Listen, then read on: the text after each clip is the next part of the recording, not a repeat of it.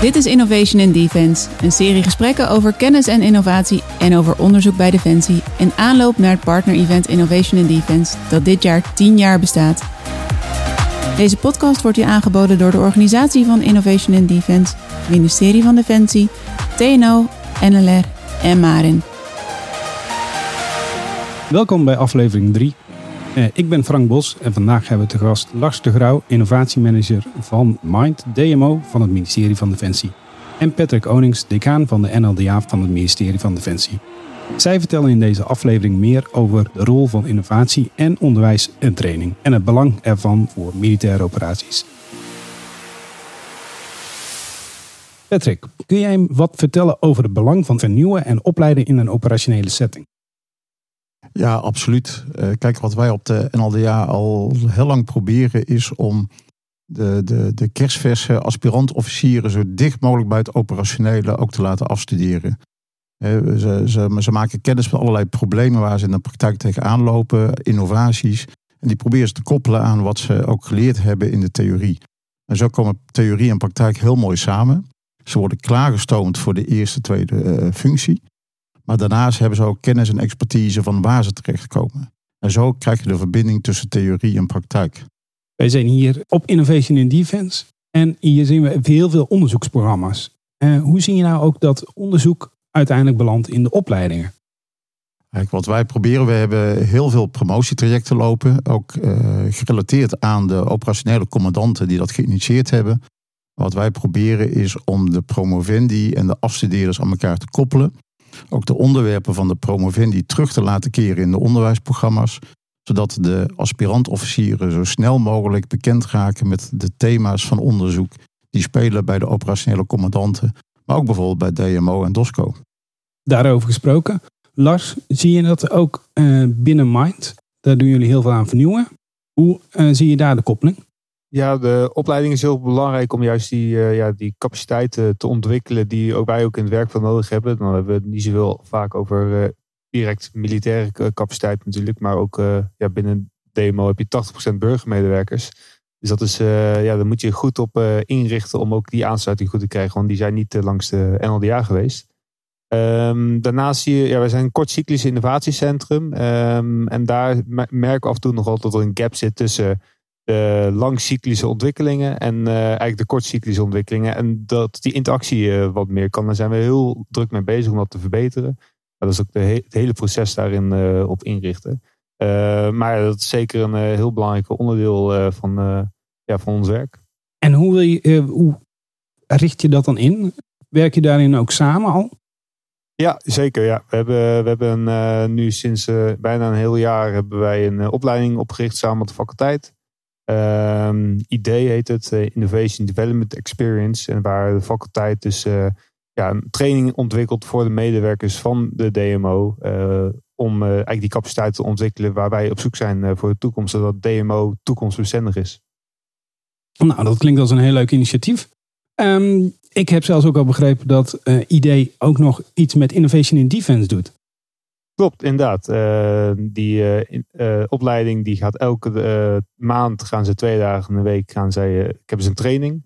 naast dat zij echt meer een theoretische training dagen krijgen, waar veel intervisie plaatsvindt bijvoorbeeld, maar ook veel gastsprekers. Um, hebben ze ook nog een eigen opdracht in het werkveld. Maar een van die trainingsdagen gaat dus plaatsvinden op Innovation Defense. Dat die, die collega's, een soort van studenten, eigenlijk heel goed uh, aanraking kunnen komen met wat er allemaal voor onderzoek plaatsvindt, zodat zij daar weer goed op kunnen aansluiten binnen hun eigen, eigen innovatietrekjes. Nou, dat is een leuke combinatie. Patrick, dit is in samenwerking met de faculteit heeft dit, uh, is dit ontwikkeld. Zijn er nog meer nieuwe initiatieven die er lopen, waarbij dus juist net het onderzoek wordt toegepast in onderwijs? Ja, kijk, wat wij proberen, wij hebben langcyclisch onderzoek. Hè, dat, dat werd net ook al gememoreerd. Maar we proberen daar ook kortcyclische componenten van vrij te spelen. Je, je, je bent bezig met kennisopbouw, dat doe je jaar in jaar uit. Maar de opgebouwde kennis kun je valoriseren. Je, je kunt die te gelden maken in kortcyclische producten. Nou, een van die kortcyclische producten, dat zijn bijvoorbeeld masterclasses.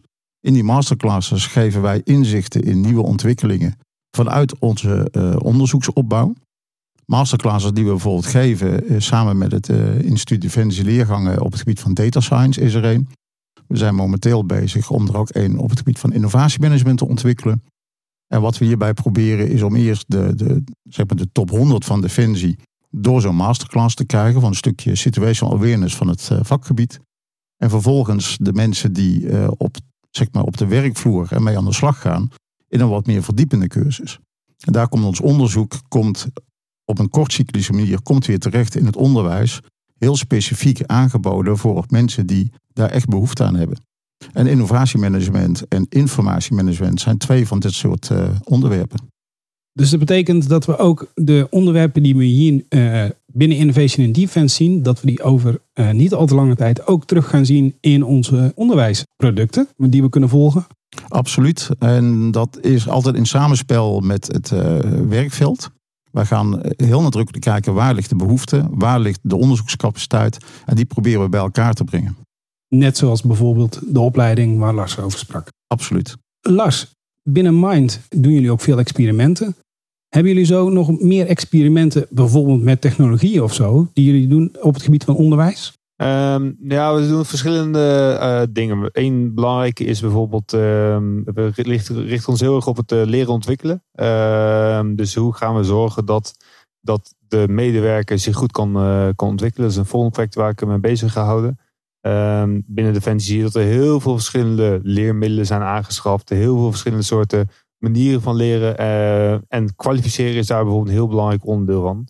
Uh, want ja, als je iets, iemand tijd uh, investeert in te leren, wil je hem ook kunnen kwalificeren. anders heeft het misschien helemaal geen waarde voor, die, voor die medewerker. Dus daar proberen we steeds beter op te gaan inrichten. Zijn we nu nog in het beginstadium. Zijn heel veel collega's van JVC zijn er al heel lang mee bezig. Nou, daar proberen we nu echt een verbeterslag in te maken. Daarnaast, wat ook wel heel interessant is, is dat we die masterclass disruptieve technologieën hebben ontwikkeld. Ehm, die nog steeds gaande is, uh, Defensie Breed. Ja, en dat is, uh, ja, daar zie je gewoon heel veel technische thema's die echt vers van de pers komen, eigenlijk daar gepresenteerd worden. Zodat we zo dicht mogelijk bij de realiteit kunnen zijn, kunnen ontwikkelen. En toch ook weten dat we niet in het verleden aan het ontwikkelen zijn, want dat is natuurlijk een groot gevaar. Um, helemaal opleidingen. Opleidingen zijn vaak wat reactiever. voordat het er wetenschappelijk over geschreven wordt, dan ben je al wat verder. En ja, dus zo proberen we die cap zo, zo klein mogelijk te maken natuurlijk. Dat maakt het wel heel interessant om zoiets te volgen. Um, zie je ook dat er nieuwe, dus je sprak al over nieuwe leermiddelen. Heb je daar ook voorbeelden van? Worden er al VR-brillen toegepast in onderwijs bijvoorbeeld? Ja, binnen de landmacht wordt eigenlijk heel veel toegepast. Eh, voor mij ook, uh, ik ben niet bekend met uh, wat alle andere DO's eigenlijk uitvoeren. Maar er zijn heel veel leermiddelen, heel veel trainingsmiddelen op simulatieniveau, op ja, VR-niveau. Ehm, maar ook fysiek. er zijn fysieke middelen natuurlijk. leren kan in heel veel verschillende vormen. Niet alleen uit de boek, niet alleen op digitaal niveau. Maar ja, de digitale middelen die nu beschikbaar zijn, die, zijn die dragen zo erg bij aan, die, aan de mogelijkheden ja, dat is, uh, en de realiteit van, van die leermiddelen, dat is uh, een hele hoge rendement heeft dat natuurlijk. Dat klinkt heel goed. En Patrick, zie je ook voor jullie uh, nieuwe ontwikkelingen die eraan aankomen? Ja, kijk, wat wij gezien hebben, met name in de COVID-pandemie, is dat we toch heel sterk om ons heen zijn gaan kijken van hoe we de, de aspirant-officieren heel dicht tegen ons onderwijs aan konden blijven houden. Eh, dat heeft tot introductie van een aantal middelen geleid. Uh, een heel mooi middel dat we op locatie Den Helder gebruiken, is een, ja, een soort spiegelbord waar een docent allerlei wiskundige formules kan uitwerken, terwijl die gespiegeld in beeld komt. Dus de, de, de aspirant-officier die de cursus volgt, die ziet formules ontstaan als het ware, terwijl de docent niet tussen hem en het bord staat. Uh, zeker als je online onderwijs volgt, is dan een heel mooi middel om te zien hoe een bepaalde theorie zich opbouwt. Uh, zonder dat je steeds terug hoeft te kijken omdat dat er iemand in beeld staat of wat, wat voor randvoorwaarden er dan ook zijn. En het gebruik van dat soort middelen in combinatie met software waarbij je breakout sessies kunt creëren, waarbij je met groepjes individueel samen met kleine groepjes apart kunt gaan. Ja, dat maakt onderwijs heel fascinerend in deze tijd. Dat klinkt wel heel leuk. En is dat ook wat je dit aanspreekt om op dit gebied werkzaam te zijn? Ja, de, de, de vernieuwingen die, uh, die volgen elkaar razendsnel op.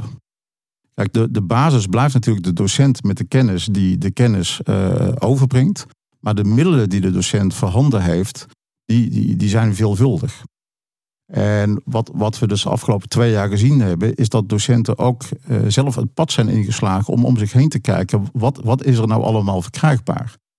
En die zijn de afgelopen twee jaar tijdens de pandemie heel inventief geweest om allerlei zaken uh, proberen te betrekken bij het onderwijs. En dat zien we nu terug. Dat gaan we dus absoluut niet meer weggeven. Sterker nog, we gaan erop voortborduren. Met uiteindelijk de docent als kennisbron. En al die uh, nieuwe innovatieve middelen erbij om, om die kennis beter over te dragen. Ja, dat klinkt heel uh, positief. En dan Lars, gaan jullie dat, pakken jullie dat dan weer op? Ja, kijk, we, doen dat uh, denk ik redelijk hetzelfde als bij de NLDA. Uh, we zitten nu bijvoorbeeld in deze videostudio, uh, die nu sinds jaar, een jaar zo ingericht is. Ja, dat is denk ik ook een vorm van een bepaalde leermiddel natuurlijk, om op een bepaalde manier te kunnen communiceren. Ja, zo heeft Mind daar ook zelfs een eigen variant aan gemaakt. En ja, dat gaat continu, ben je gewoon bezig met die behoefte van de klant. En dat heeft gewoon continu profijt voor de toekomst. Door het hele nieuwe technische middelen van online werken. Ja, daar, daar zijn zoveel verschillende opties. En ik denk dat daar zoveel dan wel kadetten, dan wel gewoon medewerkers bij geholpen om, uh, om ja, betere leersystemen aan te kunnen bieden. Alles na te kunnen lezen, uh, op, opgenomen te hebben. En dus ook de vluchtigheid van informatie tegen te gaan. Nou, hartelijk dank. Jullie zijn ook allebei aanwezig op Innovation in Defense ik kan me voorstellen dat de bezoekers misschien ook wel nog willen kijken van hoe kunnen ze zich verder ontwikkelen. Kunnen we ze daarvoor bij uh, Mind of bij de NLDA aankloppen voor met meer vragen? Ja, uiteraard. Ja, onze stand is de hele dag bemand, dus uh, loop vooral binnen. Nou, hartelijk dank. Ik kan me voorstellen dat er nog heel veel andere voorbeelden zijn, maar die zien we natuurlijk pas op het evenement zelf. Dit was een aflevering van Innovation in Defense aangeboden door de organisatie van dit event. Bedankt voor het luisteren en luister vooral ook de andere podcast. Wil je meer weten over het event? Stuur dan een e-mail naar innovatie.mindef.nl.